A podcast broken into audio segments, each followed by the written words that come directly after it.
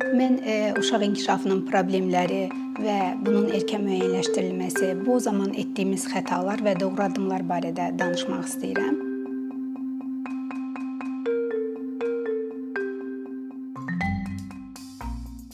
Uşaq inkişafının e, mühüm dövrü 0-3 yaş periodu hesab olunur. Soruşa bilərsiniz ki, niyə məhz bu period e, mühüm dövr hesab olunur? Bu dövr həm də e, açar dövrü adlanır. Çünki bu dövrdə uşağın inkişafında, gələcək həyatında lazım olacaq bütün bacarıqların əsası qoyulmuş olur və beyində sinapsların yaranması, sinaps dedikdə mən beyində sinir yollarını nəzərdə tuturam. Həmin sinir yollarının yaranma sürəti insanın həyatının heç bir başqa dövründə e, bu şəkildəki sürətə malik olmur. Və e, e, görürsünüz xalq arasında da belə söz var, deyirlər ki, uşağın beyni ağ vərəqdir. Nə yazacaqsınızsa o da yazılmış olacaqdır. Əvvəllər belə hesab eləyirdilər ki, bütün uşaqlar eyni bir düz xətt boyunca inkişaf edir. Yəni eyni cığırla eyni şəkildə inkişaf edirlər. Lakin uşaq inkişafı barədə müasir nəzəriyyələr bunun belə olmadığını sübut elədi və bu nəzəriyyələr göstərdi ki, uşağı əhatə edən sosial, fiziki və mədəni mühit uşağın inkişafına çox mühüm təsir göstərir. Yəni həmin e, bu saydığım bütün e, həm sosial, həm fiziki, həm mədəni mühit uşağın inkişafında mütləq öz izini qoymuş olur. Mən e, müasir nəzəriyyələrdən proksimal inkişaf nəzəriyyəsindən bir e, misalı gətirmək istəyirəm ki, bu nəzəriyyədə göstərir ki, öyrənmə digəri ilə qarşılıqlı təsir zamanı baş verir.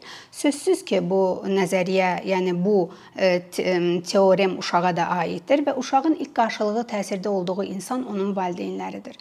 Buna görə də bu gün bütün dünyada, bütün e, uşaq inkişafı ilə əlaqədar həyata keçirilən bütün layihələrdə məhz valideynin e, məlumatlandırılması ön plana çəkilir. Məhz valideyn savad, uşaq inkişafı mövzusunda valideyn savadlılığının artırılmasına mühüm əhəmiyyət verilir. Burdan valideynlərə səslənmək istəyirəm. Uşaq inkişafına qoyduğunuz hər bir xərc, hər bir zəhmət gələcəkdə sizə dəfələrlə artıq bəhrə və qazanc gətirəcəkdir. Eyni zamanda uşağa uşaqla paylaşdığınız zamanınızda və bu çox önəmlidir. Bəzən mən uşaqla birlikdə paylaşılan zaman dediyim zaman yanlış anlayırlar valideynlər. Yəni uşaq da bir uşaqla bir otaqda oturmaq da onunla zaman keçirmək kimi anlaşılır, lakin bu belə deyil. Uşaqla birlikdə zaman keçirmək dedikdə uşaqla birlikdə hər hansı fəaliyyəti yerinə yetirmək etməyi nəzərdə tuturam. Çünki bu halda siz yalnız uşağınıza hər hansı bir yeni fəaliyyəti öyrənmir, öyrətmirsiniz. Onunla eyni zamanda uşağınızın inkişafında olan ən kiçik nüansı belə, nüans belə diqqətinizdən qaçmır və siz həmin o nüansı zamanında, vaxtında aşkar eləmiş olursunuz. Bu da e, erkən müəyyənləşdirmənin əsasını təşkil eləyir. Erkən müəyyənləşdirmə deyəndə mən nəyi nəzərdə tuturam?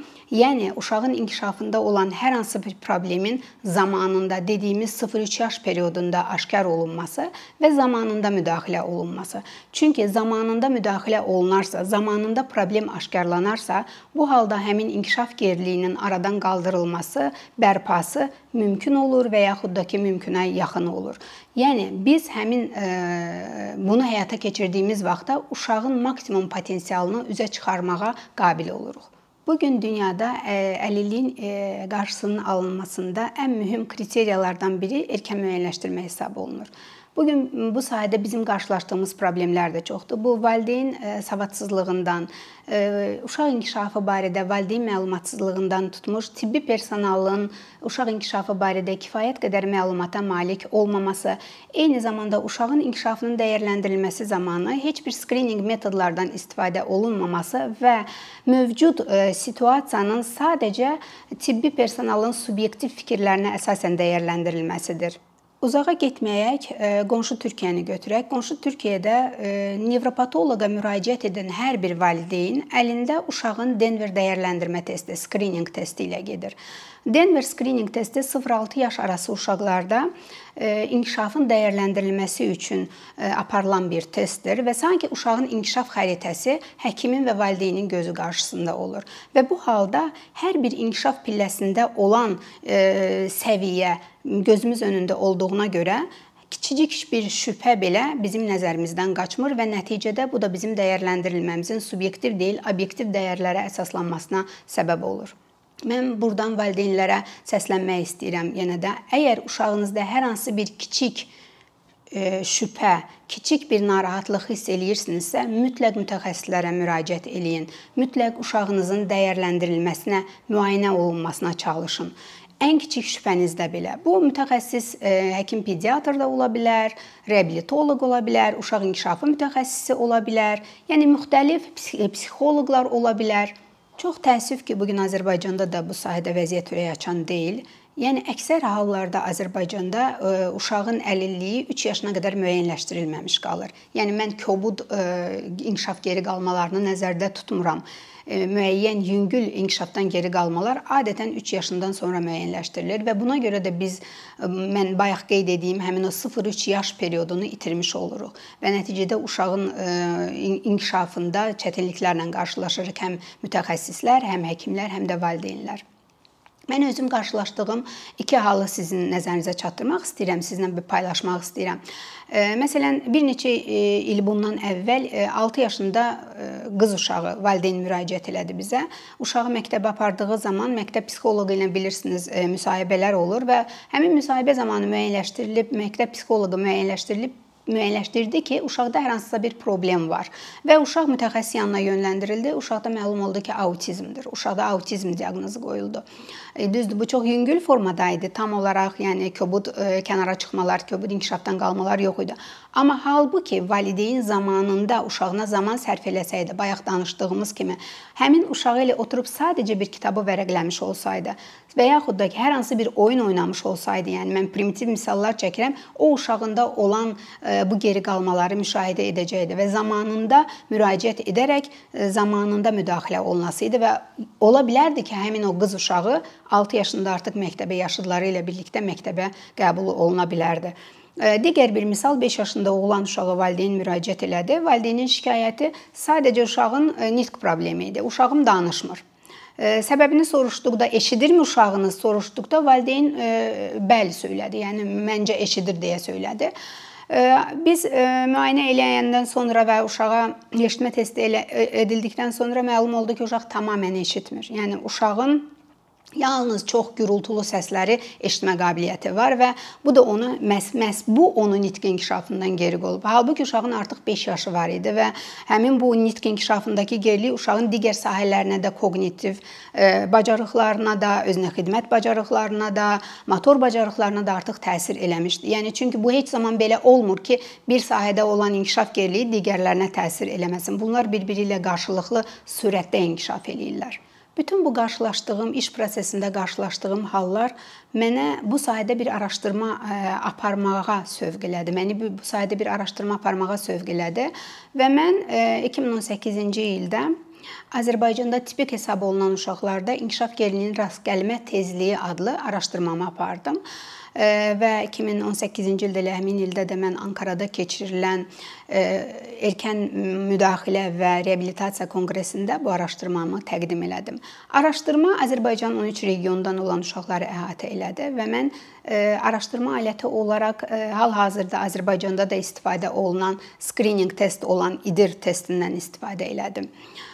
Araşdırmanın nəticəsində çox maraqlı məlumatlar əldə elədik. Biz məlum oldu ki, həmin tipik hesab olunan uşaqların 34.2%-də bu və ya digər sahədə inkişafdan geri qalma mövcuddur. Halbuki və bu geri qalmadan nəinki valideynlərin, nəinki tibbi personalın, ümumiyyətlə heç kəsin xəbəri yoxdur.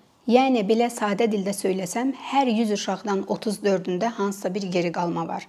Və bu geri qalmanın əsas geri qalmada əsas bacarıq nitq bacarığıdır. Anlatım dili, ekspressiv nitq deyirik e, biz buna.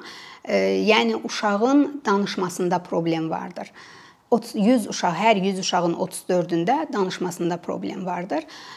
İkinci yeri, e, e, ikinci pilləni tutan bacarıq isə e, biz müəyyənləşdirdiyimiz zaman burada haçalama oldu. 0-14 ay arası uşaqlarda bu oyun bacarıqlarında geri qalma müşahidə olundu. Yəni 0-14 yaş arasında uşaqlarımız oynamağı bacarmırlar. Yəni yaşına uyğun oyuncaqlar və oyuncaqlarla oynamağı bacarmırlar. Eyni zamanda 15-42 ay arasında uşaqlarda isə bu mənim gözlədiyim bir nəticə idi. Çünki uzun illər bu problemlərlə biz qarşılaşmışdıq özünə xidmət bacarıqlarında. Yəni heç birimizdən gizlin deyil ki, Birinci sinifə gedən uşağımız əksər hallarda valideynlər tərəfindən geyindirilir, valideynlər tərəfindən yedizdirilir. Yəni bu əslində çox böyük bir həyəcan təbilidir bu araşdırmanın nəticəsi. Araşdırmada əldə etdiyim ikinci bir maraqlı nüans nədən ibarət oldu? Mən bunu mütləq paylaşmaq istəyirəm. Adətən e, hamı belə fikirləşir ki, oğlan uşaqları daha zəif olur. Oğlan uşaqlarında həm inkişaf gerilikləri, həm xəstəliklər, ümumiyyətlə problemlər daha çox rast gəlinir. Lakin bizim araşdırmamız nəticəsində məlum oldu ki, bu 34.2% geri qalan uşaqlarında üstünlüyü qızlar təşkil edir. Yəni qızlar daha çox e, problemlə üzləşirlər, daha çox inkişafdan geri qalırlar. Mən yenə də üzümü valideynlərə tutub səslənmək istəyirəm. Bu e, gün 34.2% çox böyük bir rəqəmdir və bizim həqiqətən də həyəcanlanmağımıza dəyər. Burada əsas rolu valideynlər, bunun qarşısını almaqda əsas rolu valideynlər oynamalıdırlar. Gəlin uşaqların inkişafında nəzərdən qaçırdığımız ən incə məqamın gələcəkdə böyük fəsadlar verməsinə e, verməsinin qarşısını alaq. Birlikdə uşaqlarımızla birlikdə oxuyaq, öyrənək və öyrədək. Əkinçinin yeni videoları haqqında məlumatlı olmaq üçün kanalımıza abunə olmağı və xəbərdarlıq funksiyasını aktivləşdirməyi unutmayın. Bununla bərabər gördüyümüz işlərin davamlı olmasını istəyirsinizsə, bizim patronların sırasına qoşulmağınızı rica edirik. Əkinçinin Patreon icmasının üzvü olaraq siz bizim təşəbbüsə dəstək göstərməklə bərabər hazırladığımız materialları hər kəsdən öncə izləmə imkanı əldə edəcəksiniz imkandan istifadə edərək cari patronlarımıza işlərimizi davam etməyə yardım olduqları üçün dərin təşəkkürümüzü bildiririk.